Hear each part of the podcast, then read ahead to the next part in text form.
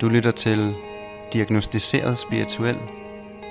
En podcast, hvor spiritualitet betyder autenticitet. Og hvor vi snakker hudløst ærligt om livet og alt det mellem himmel og jord.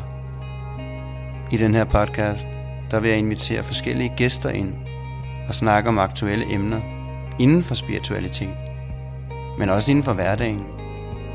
Snakke om emner, som kan være hårde at høre om, tunge at høre om. Måske endda emner, som er tabuiseret, men også emner af en mere opløftende karakter. Vi deler historier fra det virkelige liv og snakker om det at være spirituel og hvad det betyder for et menneske, når vi forstår, at vi er en sjæl i en krop og ikke en krop med en sjæl. Mit navn er Bjørn Moral. Jeg er 35 år, og jeg har arbejdet de sidste 17 år med spiritualitet som et erhverv.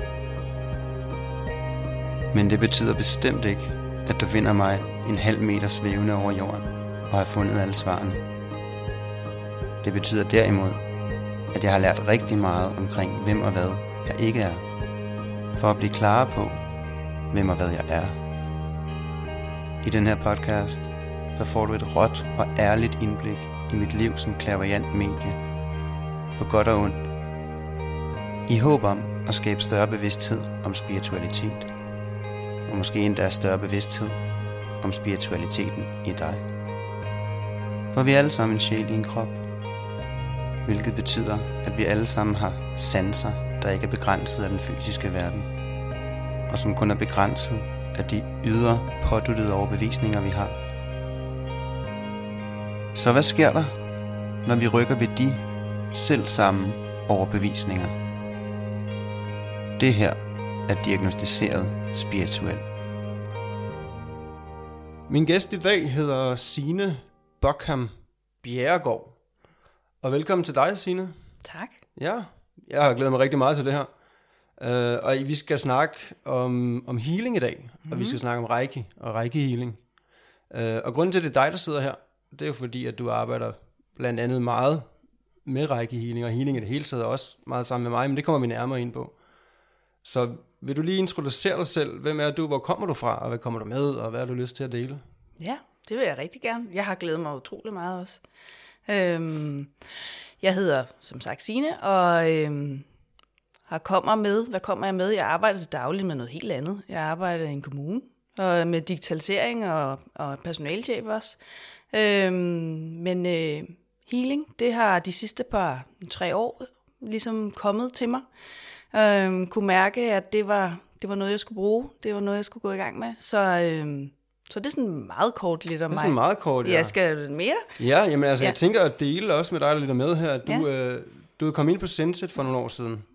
Er det et to år siden, cirka? Ja, det passer nok meget godt. Jeg startede med Reiki, Ja, du har taget rækkeuddannelsen ja. på Senset, ja. lige præcis. Og så har du efterfølgende også, øh, nu er du så i gang med en treårig uddannelse, hvor du. Ja. så småt er ved at være halvt igennem. Mm. Og du har også yderligere arbejdet lidt sammen med mig og begyndt at, at være medunderviser er øh, på nogle af de her rækkehold og så Stort videre. privilegie. Ja. Ja, men hvilket også er helt naturligt, at du skulle det. Mm. Mhm. Og det er også sådan ideen med Senset, at sådan på sigt, at vi tager flere og flere af dem, som kommer igennem, som giver videre, fordi så kan vi ligesom nå ud til, til flere. Og der er du også med der, så du er på ja. Mhm. Ja. flere måder en del af Senset. Ja. Ja, hvordan har det været for dig at komme fra det her liv uden den her spirituelle indsigt, man kan sige, Mhm. til at komme ind i alt det igennem Senset også, og andre ting selvfølgelig. Ja, altså en, en vild rejse på jo kort tid. Jeg er 47 ja. i dag, så, øh, så tre år, det er jo meget lidt af, af et langt liv. Øhm, jamen, det har været en, en, en vild oplevelse, og samtidig har det været så lige til. Ja, Det var så, det er som at komme hjem. Øhm, og det er jo også derfor, det har drevet mig videre, fordi jeg kunne mærke, at jeg kom tættere og tættere på den, jeg er. mm. Øhm, det har, jeg vil sige, til at starte med, det tror jeg, jeg har fortalt dig, Bjørn, nogle gange, nu siger jeg også her, øhm, at øh, da jeg meldte mig til række, der vidste jeg ikke, hvad det var. nej. Jeg fandt det på nettet. Altså, jeg tror faktisk, der er mange, der har det sådan, ja. så super godt, vi snakker om det. Ja. ja. du blev ved med at poppe op, Ja, og så tænkte jeg, nå, så er det det, jeg skal. Og jeg troede faktisk, jeg skulle på et massagekursus. Ja, det var godt. Det var ikke det, vi, det, var ikke det, vi arbejdede med. Nej, Nej. overhovedet ikke. Det er jeg meget glad for, det ikke var. Ja. Øh, men det, gik, altså, det var sådan en overraskelse, og det var indvielser i energi. Ja, blandt andet i hvert Blandt fald. andet, ja, ikke? Ja. Men, men, øh, så på den måde, men, men det hele gav mening. ja.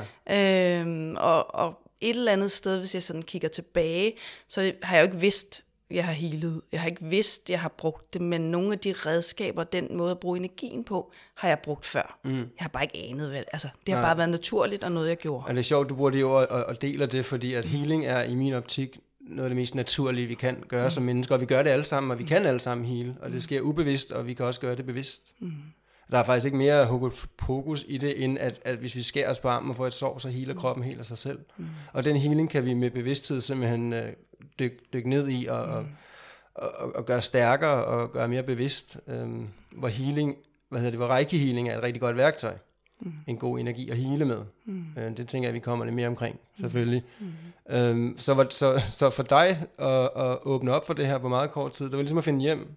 Fuldstændig. Altså, det var som at åbne en side af mig. Jeg har altid været et søgende menneske, mm. øhm, uden at det er nødvendigt at være den spirituelle retning.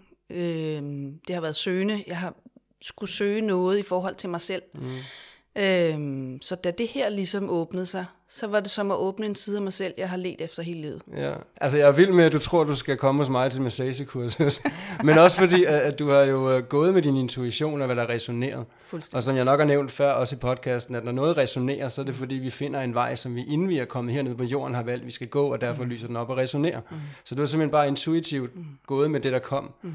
Og troede, du skulle ind og lære at massere hos mig. Og det var så ikke det, vi arbejdede med. Men øh, vi arbejder med lidt forskellige øh, terapeutiske teknikker, energiarbejde, healing, og så kommer også noget klaverjance ind over det her med at bruge sine sanser og mærke ind, og så videre. Ja. Øh, så vi, det jeg lige kommer op, det var det, du nævnte for noget tid siden, om at, hvordan du havde det med for eksempel øh, fjernhealing, som er en del af Reiki. Mm. Øh, det synes jeg var meget skægt, mm. fordi at ligesom mig, da jeg gik ind, eller blev trukket ind, eller naturligt fandt min vej ind i alt, der havde jeg jo en enorm skepsis, og tænkte, ja ja, lad os lige, lige se det andet holde fødderne ved jorden. Mm. Og det prøver jeg for så vidt muligt stadigvæk at gøre. Men øh, min tillid og min overbevisning er ligesom med årene blevet ret hårdt banket fast. Øhm, men det med fjernhealing, vil prøve at sætte lidt ord på, hvordan det var for dig? For jeg kan godt huske, at du kiggede lidt på mig som, hvad skal vi arbejde med, med healing på afstand? Jamen fuldstændig. Jeg tror faktisk, jeg har på samme måde som dig. Jeg er sådan meget rationelt menneske. Øhm, og, og det der bare er, er at de, det spirituelle og rationalitet, altså det at være rationel, er ikke to forskellige ting. Mm. Øhm, det er også, når folk spørger mig og siger sådan, hvad for noget? Ja. Healer du dig? Ja. Så er jeg bare sådan lidt, jamen det er ikke to forskellige ting. Nej. Nå, men det var, men mm. så, så alt hvad jeg ligesom, jeg skal opleve det selv, jeg skal mærke mm. det, jeg skal se det, eller hvad det nu, høre det, eller hvad det er, mm. før jeg tror på det. Og derfor havde det sådan lidt fjernhealing. Ah, come on, altså, nu, nu strammer du den, ikke? Øhm, og jeg kan huske første gang, jeg gjorde det, at jeg kom bare ud af rummet bag, kiggede på min mand og sagde, what the f-? Jeg ved ikke, hvad man må sige her, men Det må man gerne. hvad fanden skete der lige? Det var helt crazy. Jeg var der. Og hun kunne mærke det. Mm. Og det var helt vildt, og jeg kunne se, hvor hun var. Og jamen, det var øh, vild oplevelse. Ja, det er jo de her sanser, som vi alle sammen har naturligt. Men øh, de bliver jo så, kan man sige, begrænset af overbevisning, eller udefra pottet overbevisninger om, hvad der er fantasi og hvad der er virkelighed. Og, altså alt det, vi er overbevist om er, og alt det, vi er overbevist om, at vi kan, det kan vi. Mm. Og alt det, vi er overbevist om, vi ikke kan, det kan vi ikke. Så det er ligesom det, der også sætter begrænsning. Og det er også væsentligt i forhold til, hvordan healing virker, fordi healing i sig selv virker. Mm. Når vi slår os på knæet som børn, og mor eller far eller en pædagog kommer og lægger hånden på, og så gør det bare lidt mindre ondt, både fordi, at vi mærker omsorgen, men også fordi, der bliver overført en healing. Så healing i sig selv virker, og når vi begynder at arbejde med healing, så mærker vi en effekt af det. Mm. Og det, der ligesom giver healing energiarbejde, generelt power, det er jo overbevisningen, tilliden, mm. det, det er amperen på volden. Så når vi mærker, at den virker, så stiger vores tillid en lille smule. Og så virker så, så er effekten endnu større, når vi healer, for så at tilliden så også vokser, og så accelererer det jo. Det der er så fint også at observere med elever på Senset på de forskellige uddannelser, og se, hvordan de vokser i deres tillid. Fordi det vi egentlig i går bare gør som undervisere, det er, at vi går ind og tror for en elev, indtil de tror selv. Og når man ligesom kan mærke, at nu har jeg opbygget den her tillid, jamen, så er der ikke nogen grænser. Så kan man ligesom både guide sig selv, for det er også det, vi gerne skal vise folk, hvordan man guider sig selv, uanset hvad vi siger, eller hvad forældrene sagde, eller hvad nogen udefrakommende siger. Hvad, Hvad mærker I indenfra ud? Mm. Så det er simpelthen en, en proces i at opbygge en tillid. Mm. Og det, det har det selvfølgelig også været for dig. Fuldstændig. Fuldstændig. Og det har jo også været, det var faktisk nemmere, da da jeg prøvede fjernhealing første gang, var det faktisk nemmere at hele, fordi jeg sidder ikke over for det menneske. Altså, mm, og så på en eller anden måde, så træder mit ego ikke ind Ja, det giver mening. og siger, ja. jeg har mine hænder her, eller jeg har mine hænder, altså, jeg kunne jo gøre, hvad jeg ville. Jeg kunne gøre den person meget lille, mm. og sidde og hele den person, øh, eller dreje dem rundt. Eller... Og det er faktisk dig, du gør stor, for det er faktisk din sjæl, du kringer, kringer ud, mm-hmm. øh, og lige sådan astral besøger dem. Men, ja, det giver god mening. Ja, det er et meget ja. fint billede, du siger, lige Ja. kunne gøre dem lille, ja. Ja. Ja. Man kan jo også, altså int- intention er alt, det er universets sprog, mm. det er intention. Så man kan faktisk også tage en bamse med intentionen om, at den her bamse er den her person, og så hele den her bamses skuldre, og så vil personen mærke det. Mm. Fordi intentionen gør simpelthen, at den linker mm. til der, hvor healingen hører til, eller hvor den, hvor den bliver sendt hen. Mm. Og det er jo det her med, at, at, at de, de sanser, vi har, de energier, vi kan arbejde med, og alle gør det bevidst eller ubevidst, de, de går jo netop ud over de fysiske rammer. Mm. Så du kan jo faktisk hele noget på den anden side af jorden, mm. eller høre noget fra en anden dimension, eller, eller, mm. Eller smage noget i en anden tid. Mm. Altså der er ikke de der fysiske rammer, og det er jo svært for et tredimensionelt ego, Ja. der er rationelle tingene at, at forstå, og det var det også for mit, og, og kan det også stadigvæk nogle gange være, når jeg, hører, altså, når jeg mærker ind i det her med, at altid foregår på samme tid. Mm. Altså min hjerne kollapser, men jeg kan tydeligt forstå, i min sjæl og mærke, hvad det er, det betyder, og det giver jo mening. Der er jo ikke en og to akser, der er jo, altså, Jamen fuldstændig. Og, og jeg kan stadigvæk, altså nu har jeg jo slet ikke arbejdet lige så længe som dig, men, men lige præcis den der i nogle det gange, her liv. så bliver jeg sådan altså, lidt, kniver lige mig selv i hånden, ikke, og tænker, what? Men jeg har mærket det, jeg har følt det, jeg har set det, mm. jamen så er det virkeligt. Men du har jo også arbejdet med det i tidligere liv, Ja. som du også er begyndt Ja. at dykke ned i. Ja, jeg åbner mange tidligere liv. Ja. Øhm, og det er måske også noget, det vi kan snakke om i dag. At Få vist forskellige værktøjer mm. øh, og forskellige måder at hele på. Mm. Øhm, og det gør jeg også, når jeg står sammen med folk. Altså når jeg har en klient, øh, mm. øh, et menneske, der ligger, eller står, eller sidder, eller hvad man nu gør. Mm. Øhm, så får jeg ligesom vist øh, symboler, mm. eller steder, jeg skal lægge hænderne. Og nogle gange ligger jeg jo ikke hænderne der. Mm. Så ser jeg bare, at jeg lægger hænderne Og det er jo der, det, er jo det man kalder psykisk healing, hvor du også igen kringer din sjæl ud. Mm. Så man kan faktisk stå i, ved fødderne af en klient, mens man så står også samtidig ved hovedet, mm. øh, og måske også samtidig står ved maven. Man står flere steder og arbejder sådan i lag oven på hinanden. Ja. Mm. Og det her med, at du får vist, øh, det synes jeg er spændende at snakke ind i, fordi vi arbejder jo ikke alene. Mm. Når jeg laver en rækkeindvielse, eller har en klient ind eller noget, så kommer deres skytsingler, mine skytsingler, og der kommer også en rækkeloge nogle gange, og der kan komme alle mulige hjælpere alle mulige steder fra, som simpelthen sender os informationen. Mm. Det er også derfor, at, at man kan være synsk, være klaverjant, klaverjant. Det er jo ikke fordi, at vi selv har den information, men, men vi, vi får det ligesom i samarbejde med den anden side, får vi vist de her ting. Jamen fuldstændig. Jeg plejer at sige, at det er nok ikke det rigtige ord, men jeg plejer at sige, at ligesom sådan et rør, eller et sugerør, ikke? altså jeg får tingene mm. ned igennem mig, så det er jo ikke mig. Nej, det er bare Der- en download. Lige præcis, Altså, altså. det er nemlig lige præcis en download, og det gør også, at tingene ikke er så, altså det er jo ikke mig, der er en eller anden hellig Nej. ting. Jeg, jeg, jeg er bare et rør, der ligesom sender de ting igennem, som, som den person nu skal høre, mm. fordi jeg hører også tit ting, øh, som jeg skal formidle videre. Ja, så man kan sige, i sådan en konstellation med en klient, der bliver vi jo bare et, et, et fysisk værktøj for den anden verden. Fuldstændig. Og jeg møder ofte den her med, at wow Bjørn, hvordan kan du se de ting, hvordan kan du sige de ting, hvordan kan du vide de ting? Og det er ikke noget, jeg ved noget som helst om, altså det er bare noget, jeg downloader og får det vist, så det er ikke mig. Så min, min opgave er jo bare at forstå, at det er et samarbejde, og at jeg gør det her for at hjælpe, og ikke hoppe op på en pedestal, hvor jeg siger, ja, prøv at se, hvad jeg kan. Fordi det er jo noget, vi alle sammen kan. Vi er en sjæl i en krop, og dermed har vi alle sammen en tilgang til den ikke-fysiske verden også, hvor vi kommer fra. Og der er selvfølgelig nogen, der er nemmere ved at lære de ting end andre, ligesom med alt andet, men det er ikke på den måde noget, det er ikke noget, jeg kan på den måde. Jeg har, jeg har opbygget en tillid, der gør, at jeg har nemt ved at, at downloade.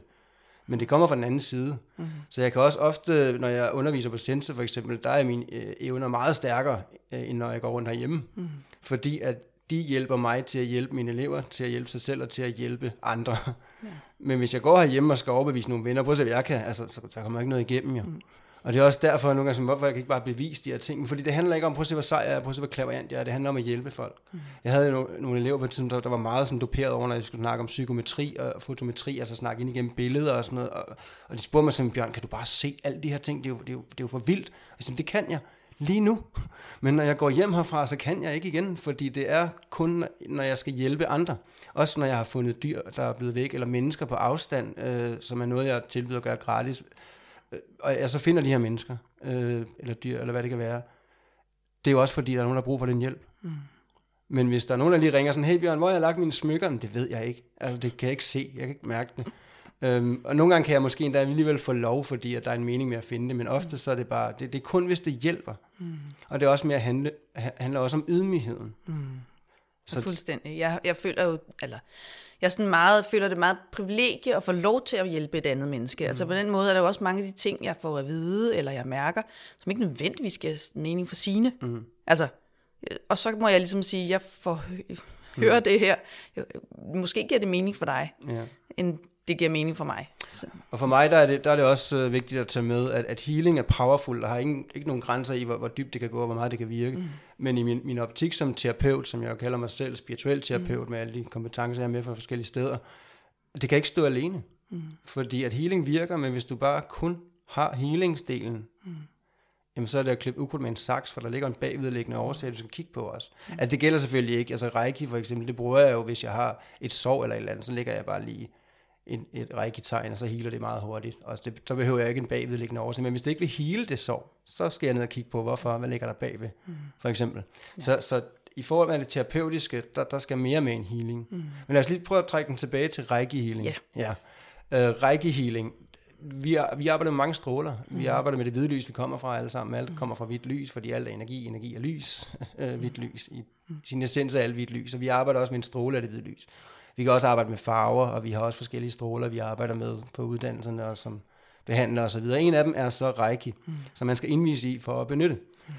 Og det, der er med Reiki kontra så mange andre stråler, er, at den er selvtænkende, den er bevidst, den, er, den finder selv vej til der, den skal arbejde, og den måde, den skal arbejde på. Mm. Og det er ret så fint, fordi det gør jo netop, at den kan finde steder, som vi måske ikke lige selv kan komme ind i. Mm. Øhm, og energien, den blev øh, fundet af en præst i Japan i midten, 100, i midten af 1800-tallet, mm. som var noget med noget, noget, noget lærer på en, på en skole, øh, hvor de her børn begynder at stille spørgsmålstegn til, hvor, hvorfor, kunne, hvorfor kunne Jesus hele, når vi andre ikke kan, og han mm. begynder selv at blive nysgerrig på det, og, og bliver så også uddannet, han får en doktorgrad i, øh, i teologisk studier, og, og, og går den vej også igennem buddhismen, og finder ud af, hvad, hvad er der ligger der i det her healing, hvor han så bliver guidet til at gå op på et bjerg, hvor han sidder og mediterer i 21 dage, hvor han så får den her stråle i panden, som han lige umiddelbart tror, mm. vil slå ham ihjel. Uh, men han bliver stående og tager imod den, og så ser han så de her række-symboler i guld. Uh, han hedder Dr. Mikao Usui, og det er ligesom ham, der er budbringeren, ham, der har fået tildelt dem, som, og hvordan man indviger og giver videre. Mm. Så går man ind i række, så skal man gerne være sikker på, at der er et stamtræ, der leder tilbage til ham. Fordi jeg vil være ærlig at sige, jeg har altså også stødt på folk, der har fået 70 rækketegn, og det findes ikke. Jeg har stødt på folk, der har betalt 100.000 kroner, altså for, for at få noget, der ikke, uden at have noget papir på noget, eller uden at have nogen forståelse af, hvordan man bruger og man skal bare passe på sig selv jo. Mm. Øhm, og jeg har også mødt folk, der har arbejdet med række, som jeg kan ikke mærke det, det virker ikke. Jeg er sikker på, at du har fået række, og når vi så graver ned i det, så, så det, det altså i hvert fald ikke det, jeg kender. Mm. Øhm, men det, der kommer fra ham, Dr. Mikao Sui, det er enormt powerful, det har jeg set så mange gange. Øhm, og den er, den er kendt for blandt andet at kunne hele kraft, at den arbejder meget på fysiske øh, planer. Mm. Og, øhm, og jeg har også set øhm, kraftknuder. Jeg havde for eksempel en elev, der fjernede en kæmpe kraftknude i brystet på størrelse med en knytnæve på en måned. Mm. Uh, jeg har set det på hunden kraftknuder blive fjernet og så videre, men, men der er jo bare det ved det, hvis du ikke du forstår, hvad der ligger bag ved, hvorfor kommer den kraft, hvad er det, du skal lære og, og, og udvikle dig i, mm. øhm, hvad er der ikke er bearbejdet og så videre, jamen, så vil det komme igen. Så det er powerful, men du skal også have det bagvedliggende med. Mm. Um, og det er så derfor, jeg lægger meget vægt på, også på rækkeuddannelsen, at, at yes, det er sådan, at vi healer, det fungerer, og det mærker I løbende undervejs, men vi skal også ned og kigge på, hvad kan vi gøre ved det, vi finder, for ellers så er vi lidt livet stillet. Altså. Mm, fuldstændig. Og det er jo også det, jeg mærker, når jeg altså over årene har healet. I starten er det jo mere sådan en, man mærker energien, ja. og man får ligesom skabt et balance i et andet menneske på en eller anden måde. Ikke? Mm. Men, men det, som, som jeg kan mærke udvikling i, og det handler rigtig meget om, at jeg også selv forstår de beskeder, jeg får, mm. også i min krop, og, mm. og når jeg bruger, øh, når jeg bruger Reiki, så er det jo, så er det det der med at sige, tag det, der ligesom også kommer op. Altså mm. jeg har sådan en, en, en billede af, at når jeg lægger nogle af de her symboler, så, så kommer det ligesom til overfladen, mm. øhm, og så skal jeg ligesom samle op på nogle af de her ting, og mm. gøre noget med dem, eller snakke med, med den, der klienten, øh, mm. der ligger på, på briksen, ikke? Ja. Øhm, omkring, hvad er det, det her det betyder. Mm. Så man ligesom går tættere på noget af det. Ja, nogle gange får man jo, et, som behandler, får man et billede vist, som mm. er til os, for at vi kan forstå, hvad det er, det handler om, og vi måske skal analysere, analysere på. Andre gange kan vi få et billede ned, som ikke giver mening for os, men giver mening for dem. Lige præcis. Ah, så Ja. det, det kan være meget skægt. Ja. Og de her forskellige tegn, som han så så i guld, mm. øh, rækkeenergien oplever jeg som er sådan blå, lilla, violet. Jeg er også lidt farveblind, så, men det, er- det er sådan noget i den stil. Um, og, og de kan jo forskellige ting. Der er jo noget til blandt andet at lave fjernhealing, og der er også noget til at balancere chakra og psykisk øh, følelsesmæssig ustabilitet. Og de kan forskellige ting. Mm. Hvis du spørger mig, mm. så tror jeg ikke på, at de her rækketegn, de kommer fra vores planet. Det vil jeg nok også være til.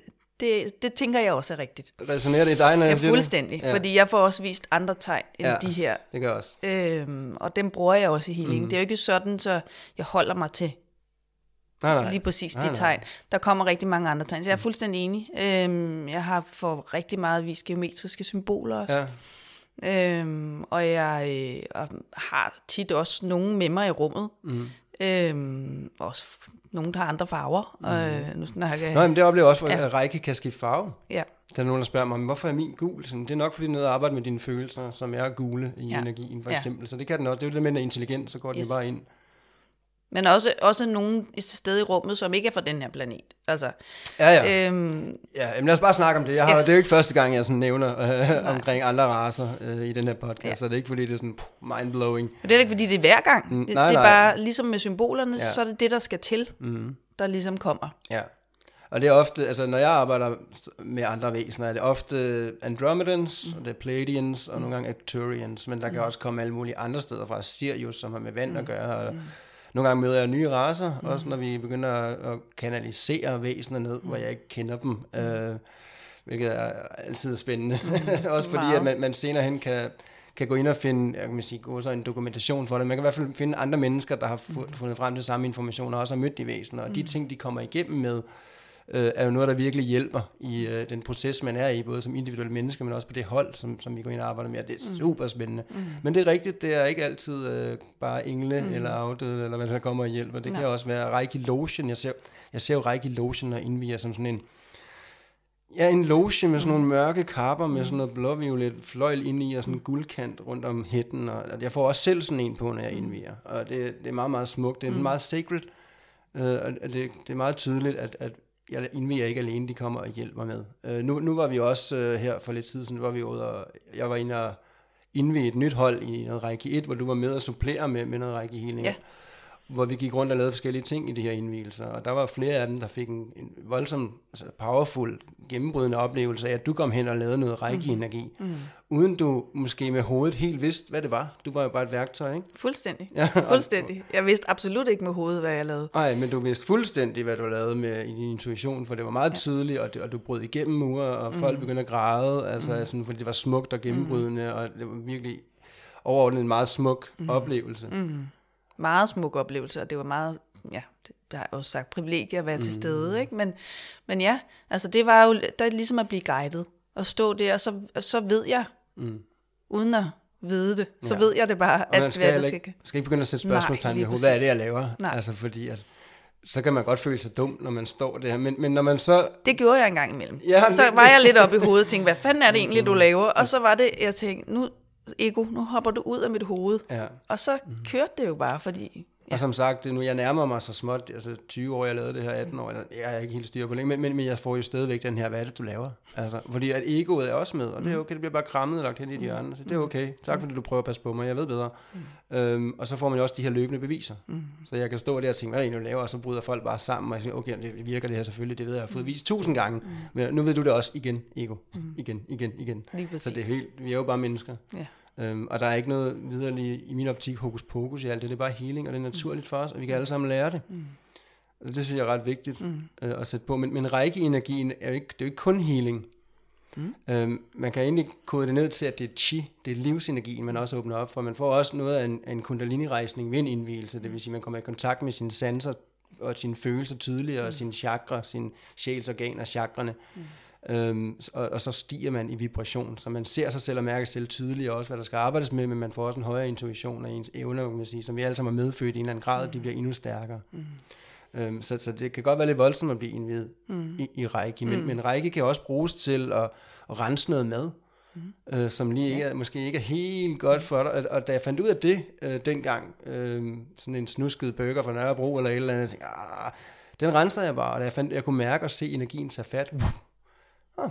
Og, og, og da jeg opdagede det, der rens, jeg rensede alt mad. Jeg gik en måned, hvor jeg rensede alt mad. Det var bare, alt skulle renses, vandet og alt, alt, alt også uanset om det så fint ud, så bare renses. Og så gik der en måned eller sådan noget, så blev jeg mega syg. Mega syg. Fordi mit immunforsvar jo ikke fik noget at arbejde med. Det var ret skørt faktisk. Så fik jeg også sådan en, har du lært det nu, Bjørn? Altså, ja, det lærte jeg det. Øhm, og der var sådan en elev, der engang spurgte mig, hvordan, hvad, hvad sker der egentlig? Øh, altså, fjerne, altså, går Reiki bare ind og fjerner bakterierne, eller hvad sådan? Og jeg har faktisk aldrig sat mig selv, stillet mig selv det spørgsmål. Der var jeg inde og downloade, der fik jeg sådan vist, at ligesom man kan bruge Reiki som en beskyttelse, som jeg kommer til lige om lidt, så når man lægger en beskyttende energi, Reiki-energi i noget mad, øh, så går det simpelthen ind og om, omkapsler bakterierne. Så det simpelthen sørger for, at bakterierne kommer ind og kommer ud mm. af kroppen, uden ligesom at blive påvirket eller, eller ja, mm. gå ind i kroppen. Mm. Det var ret syret. Ja. Men ja, som jeg lige nævnte nu, beskyttelse kan man også bruge det for, mm. når man renser et hjem for energi og eller afdød, eller hvad der nu kan være, som man jo godt kan tiltrække lidt, når man arbejder med energier. Øhm, så ligger der simpelthen en reiki beskyttelse rundt om, om alle rummene og rundt om hele lejligheden, eller huset, eller grunden, eller hvad det kan være. Så der ligesom er sådan en hende, der beskytter mm. dem, der er der. Mm. Øhm, det bruger den meget til. Jeg bruger den også til at skabe flow, fordi det er jo det, gør livsenergien. Reiki skaber flow. Mm. Så der er ikke nogen grænser. Jeg havde en, øh, en medstuderende, dengang jeg blev uddannet for mange år siden med Mette Mia, øh, hvor hun fortalte, at hun var i byen, og det var en dum aften, og, og det var i Esbjerg, og det regnede klokken 4 om natten, og hun havde ikke nogen penge, og hun var hjem, og hun kunne ikke komme hjem, for det kostede 100 kroner med en taxa, hun havde ikke nogen penge. Ja, og, og, så fik hun bare sådan, hun lige lært reiki, så fik hun lyst til at gå hen, sådan halvbrænder ikke? Og lige kaste en reiki-tegn på den der haveautomat. Og uden hun smed sit kort ind, så, altså, så, øh, eller uden hun skrev sin kode ind, så røg kortet bare ud igen sammen med 100 kroner og så har hun penge til at komme hjem. Så det er ligesom en række, der banede vejen. Og det kan jo ikke bare gå hen og smide række på en, en ATM og sige, nu kommer der penge ud, det vil der aldrig gøre. Øh, så det er simpelthen bare et eksempel på, hvordan den skaber vejen. Mm. Og jeg lægger det også på min bil, når jeg kører bil, så er det beskyttet. Jeg lægger det på vejen fra, hvor jeg er til, hvor jeg skal hen, og så kan jeg se den her rækkelys mm. øh, fra A til B. Og jeg kan også se, hvis den stopper halvvejs, eller der er en mørk plet, så, så er det fordi, at der er et uheld, eller der er politiretja, eller der skal være noget, jeg skal være opmærksom på. Og så kan jeg nogle gange med energien som en hele det væk, så den går væk, den der plet. Andre gange, så kan jeg ikke, og så ved jeg, når jeg kommer frem til det sted, jamen så er der en eller anden hændelse, jeg skal være opmærksom på. Mm. Så det, den beskytter, og, og, og den skaber flow, mm. øh, og den healer, man kan bruge den til mange ting. Man mm. altså, kan kaste rundt med de her tegn på, på mm. vand for at hæve vibrationen, og der er faktisk ikke rigtig nogen grænser. Mm. og vand har det generelt, altså der er sådan en tiltrækning med række og vand. Ja. Det, det har jeg i hvert fald, øh, også når jeg healer med række, så kommer der tit vand til stede, mm. som, som jeg healer med. Øhm, der er et eller andet der, som, som tre tiltrækker hinanden. Det er jo ikke så mærkeligt også i form af at række af tilting primært at hele på os mm. og udvikle os, mm. og vi består af, hvad det 70 procent vand eller ja, sådan noget, ikke? lige præcis. Lige præcis. så, så, det er, så ikke, det er ikke så mærkeligt. Det er ikke så mærkeligt, nej. nej. Øhm, jeg har også brugt det, altså i starten, der får man, altså jeg oplevede, at jeg fik mange øhm, stærke oplevelser, så ligesom overbevisninger for, at mit ego kunne være med, at vi gør det her, det er mm. rigtigt nok, Bjørn. Ja. Og det var alt fra sådan noget med en knude på en jakke, jeg ikke kunne binde op og havde givet op på, og gav en række, og så gik det bare op som snore, for mm. Altså små ting, men også store ting, mm. hvor, hvor det simpelthen bare har, har været en game changer. Mm. Og jeg er mega stolt og privilegeret og glad for, at jeg række med i mit liv. Jeg er mm. også meget stolt og glad og privilegeret over, at jeg kan få lov til at give det videre til andre. Mm. Så for eksempel dig, som så også ja. kan give det videre til andre, ja. og så videre. Um, så for mig har det været uundværligt. Men rent terapeutisk, så mener jeg ikke, det kan stå alene, nej. Mm. Fordi vi skal også mærke ind i, hvad ligger bagved. Mm. Ja. Mm. Jamen, øh, enig. Fordi ellers så er det bare den flow, altså, så skaber vi ligesom det der flow i kroppen, og så kommer det tilbage igen. Det, det, og det er jo også det, som jeg har mærket undervejs, fordi jeg jo kun brugt det et par år. Mm. Øhm, I starten var det, som jeg sagde tidligere, ikke? så skabte jeg flow og god mm. balance. Altså det er sådan lidt en, altså man kan tydeligt mærke, når energien har flow, mm. eller den har været inde og åbne noget, der har måske været en, noget låst energi et ja. sted og så ligesom kaste nogle række tegn ind mm. der, og arbejde med energien. Men hvis du ikke finder ud af, hvorfor, mm. og det tit i følelserne jo også. Mm. Men der går række virkelig ind, også ind, ja. altså når man for eksempel indviger i række, række 1, øh, den kan alle få, faktisk mm. give den til spædebørn. Mm. Den åbner bare op og skaber balance, mm. øh, og intuitionen bliver stærkere og så videre. Den kan alle faktisk få. Mm. Øh, række 2 skal du ligesom være 18 år at være, være mm. bevidst om, hvad du går ind i der. Mm. Øh, men når man får en rækkeindvielse, så skal man lave en selvhealing i øh, mm. 21 dage, ligesom han sad, Dr. Mikao Sui, på, mm. på bjerget 21 dage og mediterede. Øh, og den selvhealing er jo både fordi, at nu mere man selvhealer, nu, nu stærkere bliver poweren i den her, altså nu mere åbner man op for, mm. kan man sige, dysen i os. Mm. Øhm, Og, og, og, og nu højere bliver vores vibration, øh, nu stærkere bliver vores intuition og, og vores sanser og så videre. Så det er meget vigtigt, at man gør det, men, men den går også ned og belyser, hvad der ligger i mørket og river det op. Så, så i de perioder, hvor jeg har elever, der går igennem Reiki, der har jeg dem meget i røret øh, og snakker meget med dem, og det er klart, fordi at, at der kommer ting op, de ikke vidste, der lå der, og, og, og nogle gange kan det føles, som om man går baglæns, som om at man bliver ødelagt øh, af at selvhile, at det er simpelthen for hårdt. Har også nogle, der så stopper de, siger, du må endelig ikke stoppe. Mm. For det er jo ikke følelser, der kommer, det er jo nogen, der hele tiden har været der, og de mm. ligger jo i det ubevidste. Sådan er det med alle energier og følelser. Når de ligger i det ubevidste, så ligger de og vokser, mm. indtil de på et tidspunkt bliver nødt til at manifestere sig og gøre sig opmærksom på sig selv i form af en skavank, eller en psykisk, eller en fysisk ustabilitet, mm. en eller anden form. Så det må endelig ikke bare ligge mm. beyond. Vi skal simpelthen vi skal se det. Mm. Så den her selvhealing river ting op, og jeg oplever folk, der simpelthen bare knækker sammen og græder og føler sorg og føler traumerne, og så, men det er midlertidigt. Det skal op til overfladen for, at vi kan komme, komme ud over det. Mm. The only way out is in, mm. og sådan er det. Mm. Og der er rigtig, rigtig god til at rive op i de ting, men der, der er det jo så selvfølgelig vigtigt, at man har en, der kan guide en i, hvad, hvad er det, der kommer op, og hvad gør vi med det, der kommer op? Mm. Fordi der kan terapeutiske teknikker og, og andre healingsteknikker, så det kan jo også være en kæmpe fordel. Mm. Øh, at, man, at man går ind og arbejder med traumer og indre børn og, mm. og alle de her ting, der mm. kommer frem. Altså jeg selv healer stadig. Ja, fedt. Øh, ikke hver dag, men, men øh, altså jeg kan tydeligt mærke, at nu har jeg brug for det. Mm. Altså nu har jeg simpelthen brug for at lægge mig ned og, og, og give mig selv den omsorg, eller få sat gang i nogle ting, så, så ligger jeg mig simpelthen ned og, og mm. healer mig selv. Fedt. Det gør jeg også. Ja. Altså, jeg gør det, altså hver aften, der beder mm. jeg faktisk mine guider om at sende mig. Nogle gange så tænder jeg række, jeg tænder andre stråler. Og man kan godt få lidt syret drømme hen over ja. natten, hvis man sover i en række energi. Øhm, men jeg har vendt mig lidt til, jeg synes, det er dejligt. Jeg kan godt lide de her syrede drømme. Mm. Øh, andre gange beder jeg bare mine guider om at sende mig den energi, jeg har brug for, at give mig en healing over natten. Øhm, men, men selvhealing er ret, ret mm. vigtigt. Mm. Øhm, hvis du spørger mig. Fordi det nemlig skaber klarhed over, hvad foregår der egentlig i mig, mm. renser ud øh, og skaber overskud på alle planer. Mm. Ja. Fuldstændig. Jamen altså, jeg så grinede også lidt, fordi jeg tænkte, på et tidspunkt tændte jeg også hele tiden energien. Øh, jeg sov ikke så meget. Nej, det er... så, så altså, jeg kom til sådan et punkt, hvor jeg sagde, I meget gerne hele mig og tænde energien, og så sagde jeg, men jeg skal kunne sove. Ja. Det skal ikke kunne vække mig. Nej. Nej, okay. Ja. Jeg kan godt huske lige i starten, hvor jeg fik den, hvor jeg også havde den tændt helt, og så glemte jeg, den var tændt, og så blev jeg mega distræt og fik billeder af en, og kunne slet ikke, og jeg ringede også til Mette Mia dengang, jeg var 18 19, ja. Og hun siger, du skal, du skal slukke række igen. Slukke den, igen. Den der ja. høje energi kan du ikke rende rundt i. Nå ja. Altså, jeg tænker, det har været sådan lidt en slags ADHD-tilværelse, eller sådan følelsesmæssigt, man, fordi at man kan blive ret distræt, distræt ja. den høje energi. Og det er også det her med, at for at kunne bruge de sensorer, evner og kontakt opad til os, og healing og så videre, alt det vi har med, for at kunne bruge det, så skal vi først lære at grounde. Mm. Og hvis man kigger rundt i spirituelle verden, eller hvad man nu har lyst til at bruge ord på det, altså der, folk har vi er meget travlt med, og vi skal ascende til 5D, og vi skal bla bla bla. Men, men, men hvis man sådan generaliserer det lidt, så har vi ikke engang lært at grounde endnu. Og det er også det, jeg oftest arbejder primært med, med elever, fordi at kommer de ind med vanvittigt mange kompetencer, de kan mærke alt muligt, de får alle mulige ting ind, og det gør de også, men de kan ikke bruge, faktisk ikke bruge det til noget som helst, hvis ikke de lærer ligesom at komme ned i kroppen, mm. komme ned og ground. Der skal være en balance mm. mellem det jordlige, det grounded, mm. og så må man sige det åndelige. Mm. Og når den balance er der, så er der ikke nogen grænser for, hvad vi kan gå ind og arbejde med.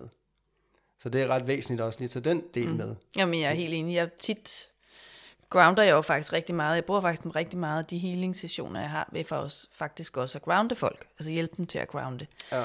Fordi der sker en helt anden balance, og det får ligesom også sådan en billede af, at de bliver, altså man bliver fortættet på en eller anden måde. Jeg ved ikke, hvordan jeg skal mhm. forklare det. Øh, så man mere kan mærke sig selv mm. på en helt anden måde. Jamen, det er jo det, ja, det er jo præcis det, det gør. Ja. Og det er det, det handler om, at mærke sig selv.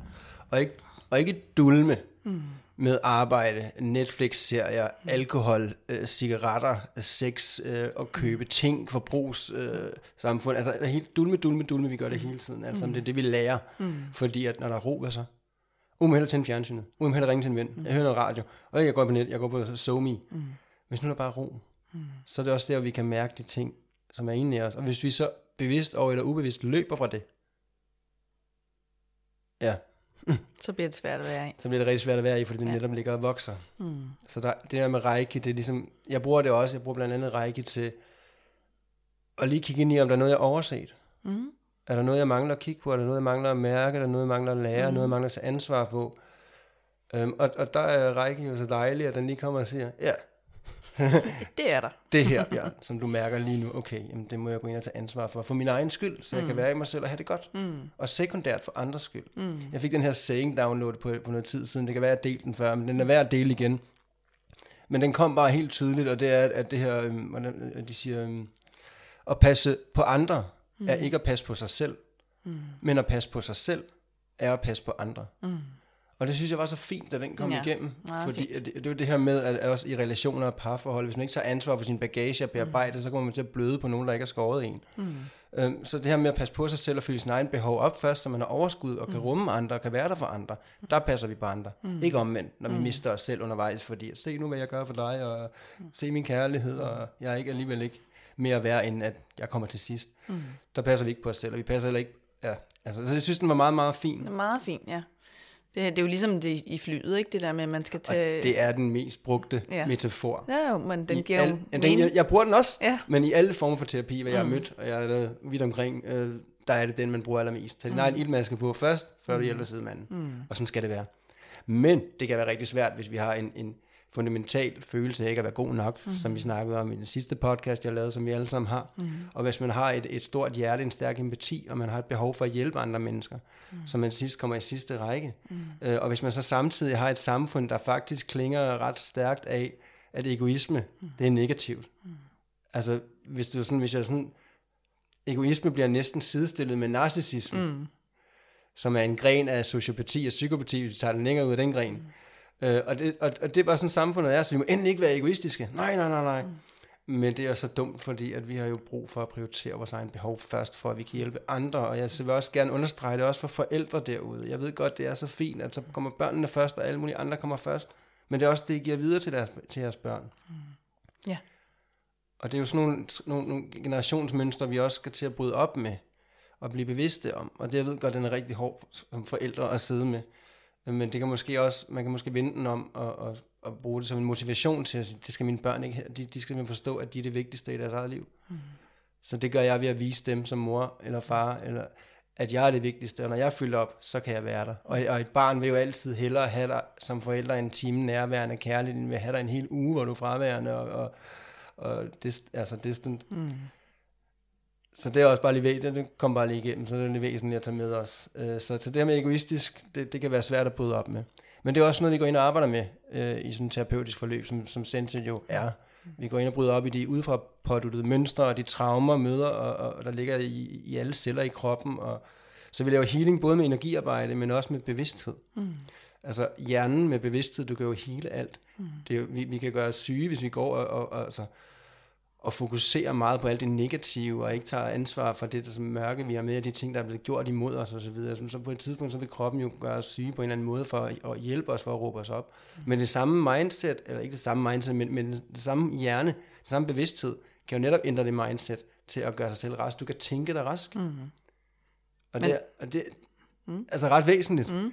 at du simpelthen med, med din hjerne kan, kan, kan kode alle de her 70, 75 trillioner celler, vi har i kroppen, til at forstå, nu, sætter vi, nu tager vi den gamle kodning ud, og så sætter vi en ny kodning i. Og arbejde på den måde er jo enormt effektivt. Og det er noget, jeg har måttet arbejde meget med i mit eget liv, fordi jeg så hurtigt får en konsekvens af, i form af skavankersygdom og så videre, men også, også fordi jeg skal gå foran og sige, det kan lade sig gøre. Jeg gør det masser af gange. Jeg har også guidet andre folk til at gøre det på sig selv. Det kan vi som mennesker. Og det synes jeg også lige var vigtigt at tage med. Mm. Mm. Jamen det, ja, fuldstændig. Altså, og jeg vil sige, hele det der mindset med også at, at tænke den positive vinkel i, i forhold til sig selv, så øh, hvordan anskuer jeg mig selv, hvad er mm. øhm, den der kærlighed, der, som også kommer med selvhealingen faktisk. Ja. Ja, fordi det, Så den er jeg, sindssygt vigtig. I stedet for at man tænker, det kan jeg ikke finde ud af, eller jeg ser sådan her ud, eller jeg gør sådan her, og mor til tre, jeg kender alle. mega godt, du tager den op. Ja. Øh, fordi den selvkærlighed, der kommer mm. med. Mm. Hvornår har I sidst, dig som lytter med her, hvornår har du sidst prioriteret 5-20 minutter mm. ubetinget på dig og dine behov? Uden alle andre. Slukket telefonen og bare mærket ind hver dag i 21 dage. Hvornår har du sidst gjort det? Det gør vi oftest ikke som mennesker. Men det her med, at vi lige pludselig går så en skal lave den her selvhealing, som, som river op i alle mulige ting, jamen der sker der også det, at vi bygger vores selvværd op, for vi prioriterer os selv, vi mærker os selv, og vi mærker vores behov, og, og vi er der for os selv.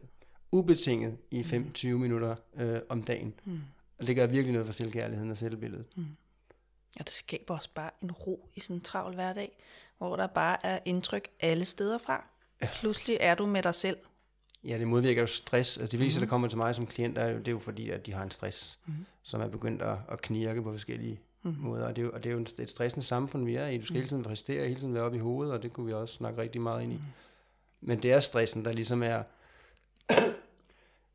stressen er ligesom en forskole til alle sygdomme. Altså det starter med stress, og så manifesterer det sig ligesom derfra. Og, og, og med reiki, og med bare selvhealing, eller bare vælge sig selv til hver dag i en kort stund, mm. øhm, der kan vi komme rigtig meget stress til livs. Men vi ser jo ikke det her stress, fordi at det sker jo gradvist, vi bliver mere og mere stresset. Ligesom når vi ikke ser, at vi vokser i spejlet, for vi ser spejlet hver dag, så lige så er vi bare voksne. Vi opdager det ikke. Det er først, når, når kroppen begynder at sige, Buh. det er også derfor, at der er så mange, der går ned med stress, fordi det er først der, hvor de, hvor de opdager det. Fordi man vender sig gradvist til, at vandet bliver varmere og varmere og varmere. Mm. Hvis man kan sige det på den måde. Mm. Så der er det rigtig vigtigt, at man lige kan stoppe op og sige, Wuh. men der vil jeg så også sige, når man så stopper op og mærker ind i sig selv, så vil man finde ting, og tænke, hvad skal jeg gøre med alt det her? Mm. Og der vil jeg sige, vi skal bruge hinanden. Ja. Vi skal ikke stå alene med de ting. En, en, en enorm styrke er også at ture række ud og bede om hjælp udefra. Det er faktisk et traumerespons, det her med, at jeg klarer det hele selv. Der er ikke nogen, der skal komme og hjælpe mig, jeg kan klare det hele selv. Øh, fordi det er jo sådan, det, det er en blokering, der er designet til at holde folk ude for at passe på sig selv. Men det er jo et traumerespons på, på den måde, at det er ligesom, man har lært, at der er ikke nogen, der er der for en. Man, man har lært, at, at du er bare on your own. Mm. Øhm, og, og, og så er du i en stærk og holder dem, det kan jeg godt, og så videre. Men, men, men det er hele samfundet om igen, hvordan det, det, det, det er svaghed at vise, vise følelser. Og i virkeligheden, så er det jo det, der, der er vores power at turde gøre, at være autentisk og vise de mm. følelser. Vi, vi, altså, livet skal opleves, det skal føles, det skal mm. sanses. Vi skal ikke lægge et lag ovenpå og sige, jeg mærker ikke noget. Jeg dulmer med alt muligt. Mm. Og jeg beder ikke om hjælp udefra, for jeg kan det hele selv. Ja, men det er fordi, der er et traume, der skal mødes og gøres op med. Mm. Så vi kan være stærke mm. i at bede om hjælp udefra. Så, så det her med at stoppe op og mærke, der ligger noget inde i mig, jamen bed om hjælp udefra. Og når du beder universet om hjælp udefra, eller beder, jeg, jeg sidder i noget, jeg ved ikke, hvad det er, jeg bruger for hjælp. Mm. Det, er min, det er min erfaring, det her, det er også min mm. optik, og det er min overbevisning. Hver evig eneste gang, så vil universet sige, jeg sender dig en, der kan hjælpe. Så hvis der er en, der popper op i dig, der er en, resonerer, eller en, der kommer tage imod den hjælp, den håndsudrækning, der, der bliver rækket ud, ligesom du sagde, at jeg poppet op med række mm, øh, dengang for eksempel. Og, altså, universet er jo interesseret i at udvikle sig. Og vi er alle sammen en manifestation af universet for at opleve sig selv, så den vil altid være behjælpelig med at finde den hurtigste vej fra A til B til udvikling. Så man ikke stagnerer. Så når man tager ansvar og siger, jeg vil gerne have hjælp til det her, så kommer det. Mm. Hver gang. Men ja, det er jo også, du fortæller jo også, det du fortæller her er jo også en del af min rejse. Ja. Altså lige præcis det der med, at jeg synes, at skulle klare alting selv. Øhm, og ikke bede om hjælp, eller det var i hvert fald ikke noget, jeg var vant til. Øhm, og det er jo også noget af det, som min rejse har været, at åbne op for at sige, jamen også op i forhold til universet. Og jeg kan igen knive mig selv i armen nogle gange, når jeg sidder på vej til arbejde og tænker, ej, jeg har virkelig brug for den her dag. Bare bliver let, og jeg mm. har brug for, at jeg bliver glad og inspireret af de mennesker sammen med. Mm. Puff, ja. Så ender dagen sådan. Præcis. Fordi du slukker din autopilot. Fuldstændig. Og du vælger med din bevidsthed at manifestere. Når du siger det sådan, det er, så er det sådan, det er. Mm. Mm. Så altså, i starten tænker jeg, ah. Mm. Og så tænker jeg, okay, jamen, det er da bare det, jeg skal spille om. Ja, jamen, og, og, og, og, men det er også det, det der, det, der gør det svært, gør, er faktisk, at det er så simpelt. Ja. Og det gælder også med healing. Men er det, det sådan, virker. Ja. Men når man så tænker, at det kan ikke være, så, så nemt kan det ikke være, så blokerer man faktisk ja, ja. også. Men det er faktisk ja. bare at give slip og ja. bede om det. Mm. Mm, selvom det lyder meget nemmere sagt end gjort, men det er faktisk så nemt. Jeg får også lyst til at sige til dig, at uh, nu er du gået to år på Sense, mm. og uh, det er jo ikke Senset fortjeneste på den måde. Det er jo din egen fortjeneste. Det vi gør på Senset er jo bare at belyse en vej og mm. støtter mm. og giver værktøjer, og så går mm. man selv, og det må man sige, du har gået den vej. Altså, mm. det er virkelig, virkelig sejt. Mm. Men på de to år, Signe, mm. så ser du også yngre ud. Ja, men det, det snakkede vi om her forleden, og det kan jeg jo se selv også. Mm. Der er sket noget. Altså, der er sket noget med energien, der er sket noget med min krop og mit udseende. Øhm, så ja, jeg ser jo yngre ud. Ja, altså det er meget tydeligt. Ja. ja øhm, og, og jeg havde også en meget, meget stagneret energi. Altså, mm. forstå mig ret. Så på en eller anden måde giver det meget god mening. Ja, ja. At på en eller anden måde var hele kroppen også bare fyldt op med med energi, der bare ikke kunne komme rundt. Men det er jo også kroppen, der, altså når det er, vi begynder at blive overvægtige og tage på, så er det jo fordi, at kroppen beskytter sig mod energi, og den har lært, at man skal beskytte sig. Det er jo et traume, der sidder derinde, mm. og noget, et, no, nogle indre børn, der er blevet overgrebet, eller, eller på en eller anden måde, altså ikke nødvendigvis seksuelt, men mm. det kan være mange former for overgreb, ja. men, men som, som ikke er blevet mødt i de traumer. Mm. Og, og, og, og det er væsentligt at snakke ind i, at, at vi har en hukommelse i hjernen, vi har også en i sjælen, og vi har en i hjertet, men vi har også en hukommelse i vores krop, i alle vores celler. Mm. Og det der er med den hukommelse i vores krop, i vores celler, er, at den kender ikke forskellen på fortid, nutid, fremtid. Så når den møder noget, der er genkendeligt i form af et eller andet monster, det vil sige, at det kan være, at man har været fire år, og ens far ikke har været særlig hensigtsmæssig i form af, at man har været ked af det, og bare faret det væk, så mærker man en enorm svigt af et traume, og, mærker, og man ser ham som det her monster, der bare er fuldstændig ligeglad med dig, og egocentreret og så videre. Og det sidder bare kodet i, i cellerne. Så når man som voksen simpelthen møder en, der sådan lige er lidt stresset, eller ikke lige ser dine behov, så vil hele kroppen sige, det er min far, og det er man slet ikke klar over, og så kommer alle følelserne bare ud, fordi det netop ikke er bearbejdet. Men de her traumer, der ligger derinde, de her, de her behov for at beskytte sig selv og så videre, de, de sætter sig jo nemlig fysisk på kroppen, så overvægt er faktisk et, nogle indre børn, der prøver at passe på sig selv og for at beskytte sig. Mm. Simpelthen sætte armer op mod, mod det, som man har lært kommer ud fra. Mm. Så selvfølgelig, når man går ind og rydder ud i det følelsesmæssige, så kommer der også balance i det, både det mentale og mm. i det fysiske. Mm. Og så er jeg ligesom også blevet drevet i en mere plantbaseret retning, og det kan vi snakke en hel masse ja, ja. andet om. Men min krop reagerede på nogle ting, og min mave, som betød, at jeg blev nødt til det. Mm. Og det gjorde også bare, at ja, det hele hænger sammen. Jo. Det hele hænger sammen. Ja. Det hele hænger sammen. Det kom ligesom på samme tid. Ja. ja. Så det giver jo mening. Så jeg griner også lidt en gang af det, og tænker, mm. ja, det skulle være sådan. Det skulle være sådan. Ja. ja. Jeg vil bare lige tage den med. Ja, jeg synes, men endelig. Det, og jeg, jeg ser det ofte, altså, mm. når vi starter på en tre år uddannelse, når jeg har elever, der starter der, gør vi altid det, vi tager billeder af folk. Mm. Fordi tre år efter, der, der ser folk anderledes ud. Og sådan er det bare. Mm. Og det er bare meget sjovt at se tilbage på. Jeg har også altid elever, der sidder og siger, ej, hvor folk de bare virkelig kommer langt. Jeg gør ikke selv. Mm. Og så sidder de andre ude for, det snakker du om. Du er helt, altså, mm. Det kan være svært at se selv, ligesom det vi snakker om med at kigge selv i spejlet hver dag. Man ser ikke, man vokser. Mm. Men det er meget nemt at se derover, derover, derover, hvor meget der sker, men ikke på sig selv. Mm. Det er så nemt at se udefra. Ja, og det kan være enormt svært. Ja. Altså, jeg kan også godt sidde stadigvæk og tænke, hvad er der egentlig sket? Og så når man begynder sådan lidt at, at lande i det og snakke med andre, sådan noget, Nå, ja, Men altså, okay. hvis jeg tager hendes sine frem, jeg mødte for to og et halvt år mm. siden, eller hvornår det var, mm. ja, altså, hendes energi er tung, den er stedig, den er barrikeret, øh, og hun er også ja, større, og mm. hun er ja, faktisk rigtig ked af det. Mm. Hvor, kontra når du, du her, der sidder med mm. lys i øjnene, mm. og du er bare fantastisk menneske. Jeg mm. kæmpe privilegie for mig at have dig i mit liv også, og, og tage den her rejse med dig. Mm. Mm. Jamen tak, og ja, hun, altså, jeg var jo et eller andet sted var jeg jo, som jeg sagde, et søgende menneske, og jeg kunne bare mærke, at jeg kunne ikke finde min plads. Mm. Selvom jeg har taget en milliard uddannelser ledelsesmæssigt og alt mm. muligt andet. Ja. Og hver gang har jeg bare tænkt, nå, jamen, det var jo fint nok, men det var ikke mm. det, jeg søgte. Altså, mm. så på den måde var det jo også sådan, åh, hvad skal jeg? Mm. Altså, hvor er det henne, det jeg søger? Jeg aner ikke, hvad det er. Mm. Men, ja, men det er så den. Ja. Og man kan også sige, når, når, når mine, vores Sensets guider, altså jeg, jeg har Senset er ikke min skole. Jeg har bare ligesom ansigt udad til, at jeg er sådan deres i gåsøjne, mm. den anden verdens øh, værktøj, øh, billede udad til. Mm. Øh, og jeg er ligesom, ja, de beder mig om at gøre noget, som, du skal lave podcast, Bjørn, jeg har aldrig gjort før, og så må jeg lære det, og så gør jeg det. Altså det er intuitiv guide. Mm. Så når de beder mig om at bede dig om at træde ind i den rolle, hvor vi begynder at, at give videre til andre, så er det jo også fordi, at, at det er der jo en mening med. Det er jo ikke mm. mig, der synes, det kan være, kunne være hyggeligt at arbejde sammen med dig på den mm. måde. Mm. Det er jo netop noget, vi bliver guidet til. Mm. Mm. Ja, ja. Og, og det sjove er jo, at det, jeg tror, jeg, det kan vi jo godt sige, et eller andet sted første gang jeg mødte dig, så tænkte jeg, at vi skal noget sammen. Ja. Og så blev det alligevel sådan en, altså, ah, altså det er bare noget, jeg tror. Ja, Indtil men det... jeg kan godt huske, du, du nævnte det for mig, og jeg tænkte, Nå, ja, det må vi se. Altså, ja. fordi jeg havde ikke fået det vist endnu. Mm. Men jeg er åben over for, at, at mm. ja, selvfølgelig. Uh, og det, det viste de mig så meget tydeligt. Mm. Og det, ja. Så det er også det med at finde sin plads, og, mm. og den finder vi jo alle sammen, hvis vi tør at give slip, og, og bare sådan gå med vores intuition. Mm. Og det kan også være nogen, der sidder og lytter med og tænker, det er da nemmere sagt end gjort. Jo jo, men alle kan lære at mm. komme ind og mærke sig selv og bruge sin intuition.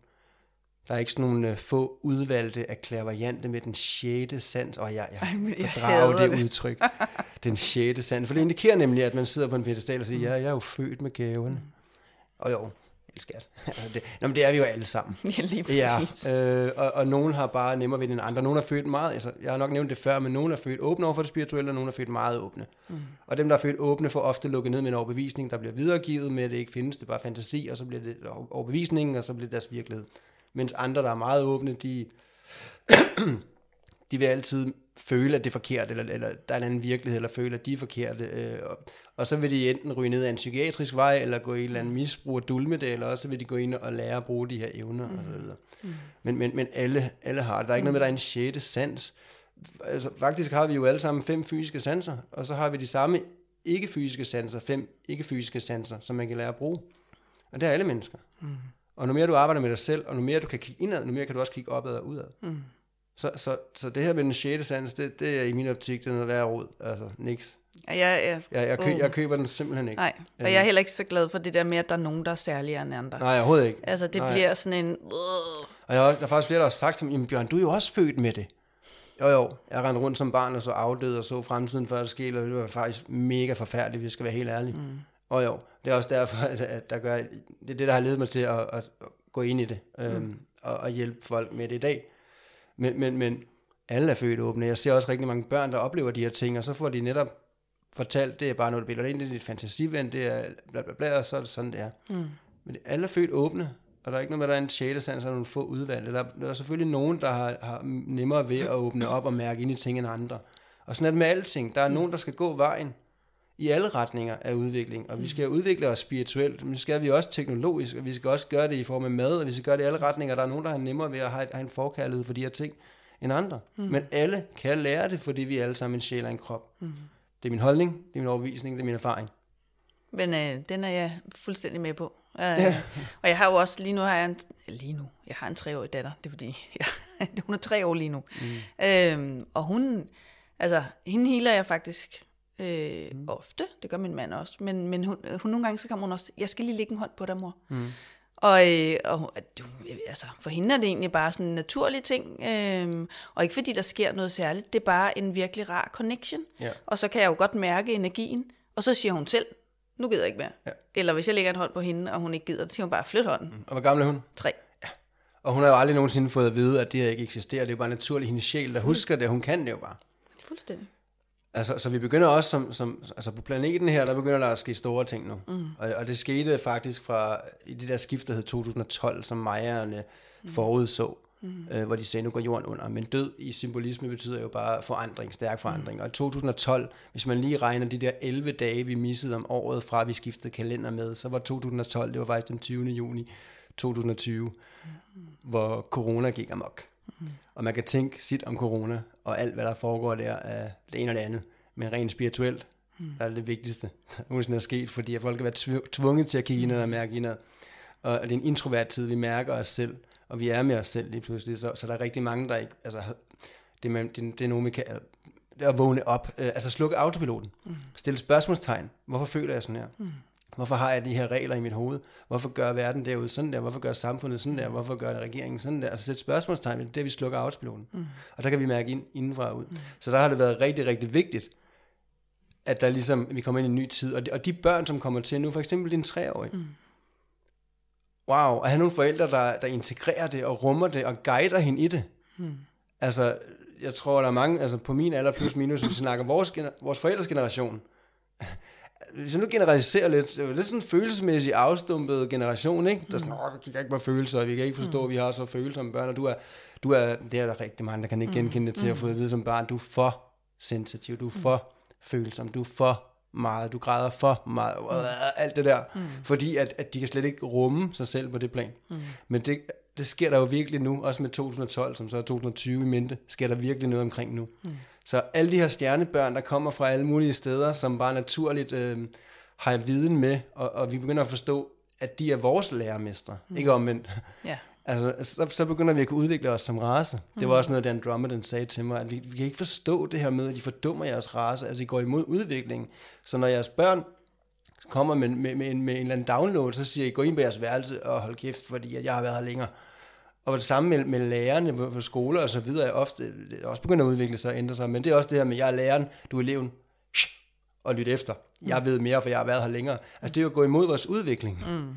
hvor man går ind og siger, okay, jeg ved, mine forældre, dengang de levede, de snakkede meget om, da jeg var barn, at jeg kom og fortalte alle mulige ting, om hvordan universet hang sammen, og var med energier og healinger, og de kiggede på hinanden og tænkte, altså, det, det giver jo mening, men altså knækken er fem år, altså, hvor, hvor, og det er jo bare min sjæl, der kan huske de her ting. Ja. Så når vi begynder at have en generation, der får børn, hvor det bliver rummet, deres følelser, deres sanser, det bliver integreret i dem, de bliver guidet i det, mm.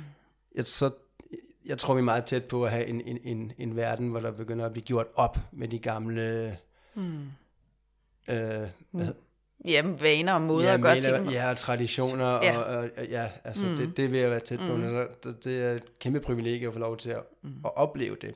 Også en af mine, vi har jo alle sammen øh, opgaver, vi har alle sammen titler, øh, må jeg sige, livsrejser, livsmissioner. Mm. Øhm, for eksempel lysvæsener er vi mm. rigtig mange af, det er mm. mange, der kan genkende til.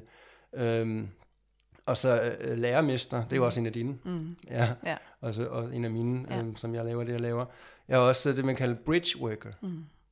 Hvor man simpelthen, for eksempel, du kommer til mig, mm. og jeg siger, Nå, men det er bare, du gør bare sådan der, Signe. Nå ja, så husker du det igen, mm. og så kører du videre. Um, mm. Så vi har alle sammen de her forskellige titler, mm. og, og, og det var, det, for mig er det et kæmpe privilegie at få lov til at være en bridge worker i mm. den her tid, fordi mm. at der sker virkelig noget nu. Ja, der så, skal et skifte. Så hvis du er en af dem, der lytter med, der har nogle børn, hvor du, øh, du rummer dem og accepterer, hvad de sanser og mærker kommer med, så vil jeg gerne sige tak til dig, fordi mm. det kommer til at gøre en kæmpe forskel, både for dine børns liv, men også for, for planeten i en helhed. Det er så vigtigt og så afgørende. Mm. Så stol på, hvad du mærker indenfra og ud, mm. og lad dine børn guide dig, for de er vores lærermester. Mm. Ja, og også ikke gøre dem forkerte. Ja, validere dem. Ja. Jeg har faktisk lavet et afsnit også, der hedder mm. Den validerende forældrerolle, ja. og vi snakker meget ind i det nemlig også. Ja. ja. Og egentlig bare rumme dem i det, de ser, og, ja. og, og måske også, som du selv siger, fordi den tror også lige, det der med at blive lidt skræmt som barn måske, eller mm. altså som du selv sagde, det kunne også være en hår, hårdt at se alle de ting, ikke? Ja. Øhm, egentlig, fordi min yngste her, hun har også set flere ting, mm. hvor sådan, hun godt kunne synes, det er lidt uhyggeligt. Mm. Øh, og prøve ligesom at hjælpe hende ind i, i det også og sige, at der er ikke noget at være bange for. Og, og det er nemlig rigtig det. vigtigt. Ja, så man ikke bliver angst for det. Ja, lige præcis. Mm. Og der, der får jeg bare lyst til at tilknytte en kommentar, der, der hedder det her med, at empati, som jo lærer, at vi skal være empatiske, mm. altså at være empatisk og have empati for for eksempel sin datter, der keder det, øhm, det er at dublere en følelse, dublere en sorg, og så hoppe ned i en lavere vibration. Mm. Og det er meget smukt, men det hjælper ikke nogen hvor sympati det er at, at validere og anerkende og forstå de følelser, hun gennemgår, men, op, men blive i sin egen energi, og så trække hende op til os. Mm. Hvis jeg arbejder med empati i alle de klienter, jeg har mødt igennem alle de her år, så var jeg brændt ud for længst. Mm. Jeg har simpelthen siddet ned i hjørnet og bare grædt mit liv øh, væk. For det, det er hårdt at ja. møde folk, hvad de har været igennem. Men jeg, jeg har været nødt til at lære at arbejde med sympati, hvor jeg forstår det, og jeg kan virkelig mærke det, men jeg tager det ikke ind. Jeg dublerer ikke følelsen, mm. fordi jeg vil ikke kunne hjælpe dem så, og jeg vil heller, heller ikke kunne klare det selv. Så det synes jeg måske også er, er mm. væsentligt i forhold til det med børnene. Mm. Lige være bevidste om, forstå dem, validere dem, rum dem, men ikke, ikke tage deres frygt på dig. Mm. Fordi så, så bekræfter og forstærker du bare den frygt i dem, mm. og så kører det en generation videre. Og det er jo egentlig også faktisk noget, den, altså nogle gange, når jeg healer folk, altså når jeg healer ind i noget, eller mærker ind i noget, så kan jeg jo mærke en sorg, mm. eller en, en, en forkerthed, eller en rummethed. Og det der med at kunne ligesom skille de to ting ad, for mm. jeg kan også blive rørt. Ja, ja, selvfølgelig. Men også, Men, at du kan mærke, hvor grænsen mellem dine følelser og deres går. Ikke? Det er faktisk det, der hedder clairsentience, mm. og føle klart, du snakker mm. ind i der, hvor du kan mærke, hvad de føler. Men med en bevidsthed om, det er deres, uden at tage det på dig. Ja. Ja, det er det, jeg så også vi kalder sympati. Ja. ja. Lige præcis. Ja. Så det er rigtig vigtigt. Ja. Så tak for det ord også. Yes. Nu har vi faktisk uh, så småt snakket næsten en time siden. Nå, ja, det, ja, det tiden går hurtigt. Det fløj afsted. Ja. Jeg vidste godt, den ville gøre. Det var mm. en kæmpe fornøjelse at have dig herinde. Er der tak. noget sådan afslutningsvis, du lige vil sådan nævne ind i og så videre? Uh, jeg kommer til lige om lidt, om ikke andet, hvis du ikke har noget, uh, hvordan man kan få fat i dig. Men mm. hvis du har noget, du gerne lige vil dele, eller nej, vi vil være der. Ja. Nej, jeg har også en følelse af, at vi har, vi har været godt ja. omkring i hvert fald. Synes jeg. Så hvis man, hvis man sidder og tænker, hende der scene der, hun resonerer, hun lyder dejlig. Mm. Ja, hun også, kan jeg lige understrege og bekræfte. Øhm, hvordan får man fat i hende, hvis øh, man gerne vil have en behandling af dig, eller bare en snak med dig, eller vil inspireres, eller hvad, hvad man nu føler. Hvordan får man fat i dig? Jamen, øh, det er et godt spørgsmål. Nej, øh, lige nu er jeg ved at lave en hjemmeside, men øh, man kan altid få fat i mig på Facebook. Okay. Og, og ja, der er kun mig, der hedder Signe Bokken Bjergård. Så, øh, okay. så, så det er den vej lige nu. Den vej, okay. Ja. Og ellers kommer der en, en hjemmeside, der hedder sinebokkenbjergård.dk. Okay, og godt det helt galt, så kan man jo tage fat i mig og sige, kan hey, altid. kan vi lige uh, få information yes. fra hende Signe der? Ja.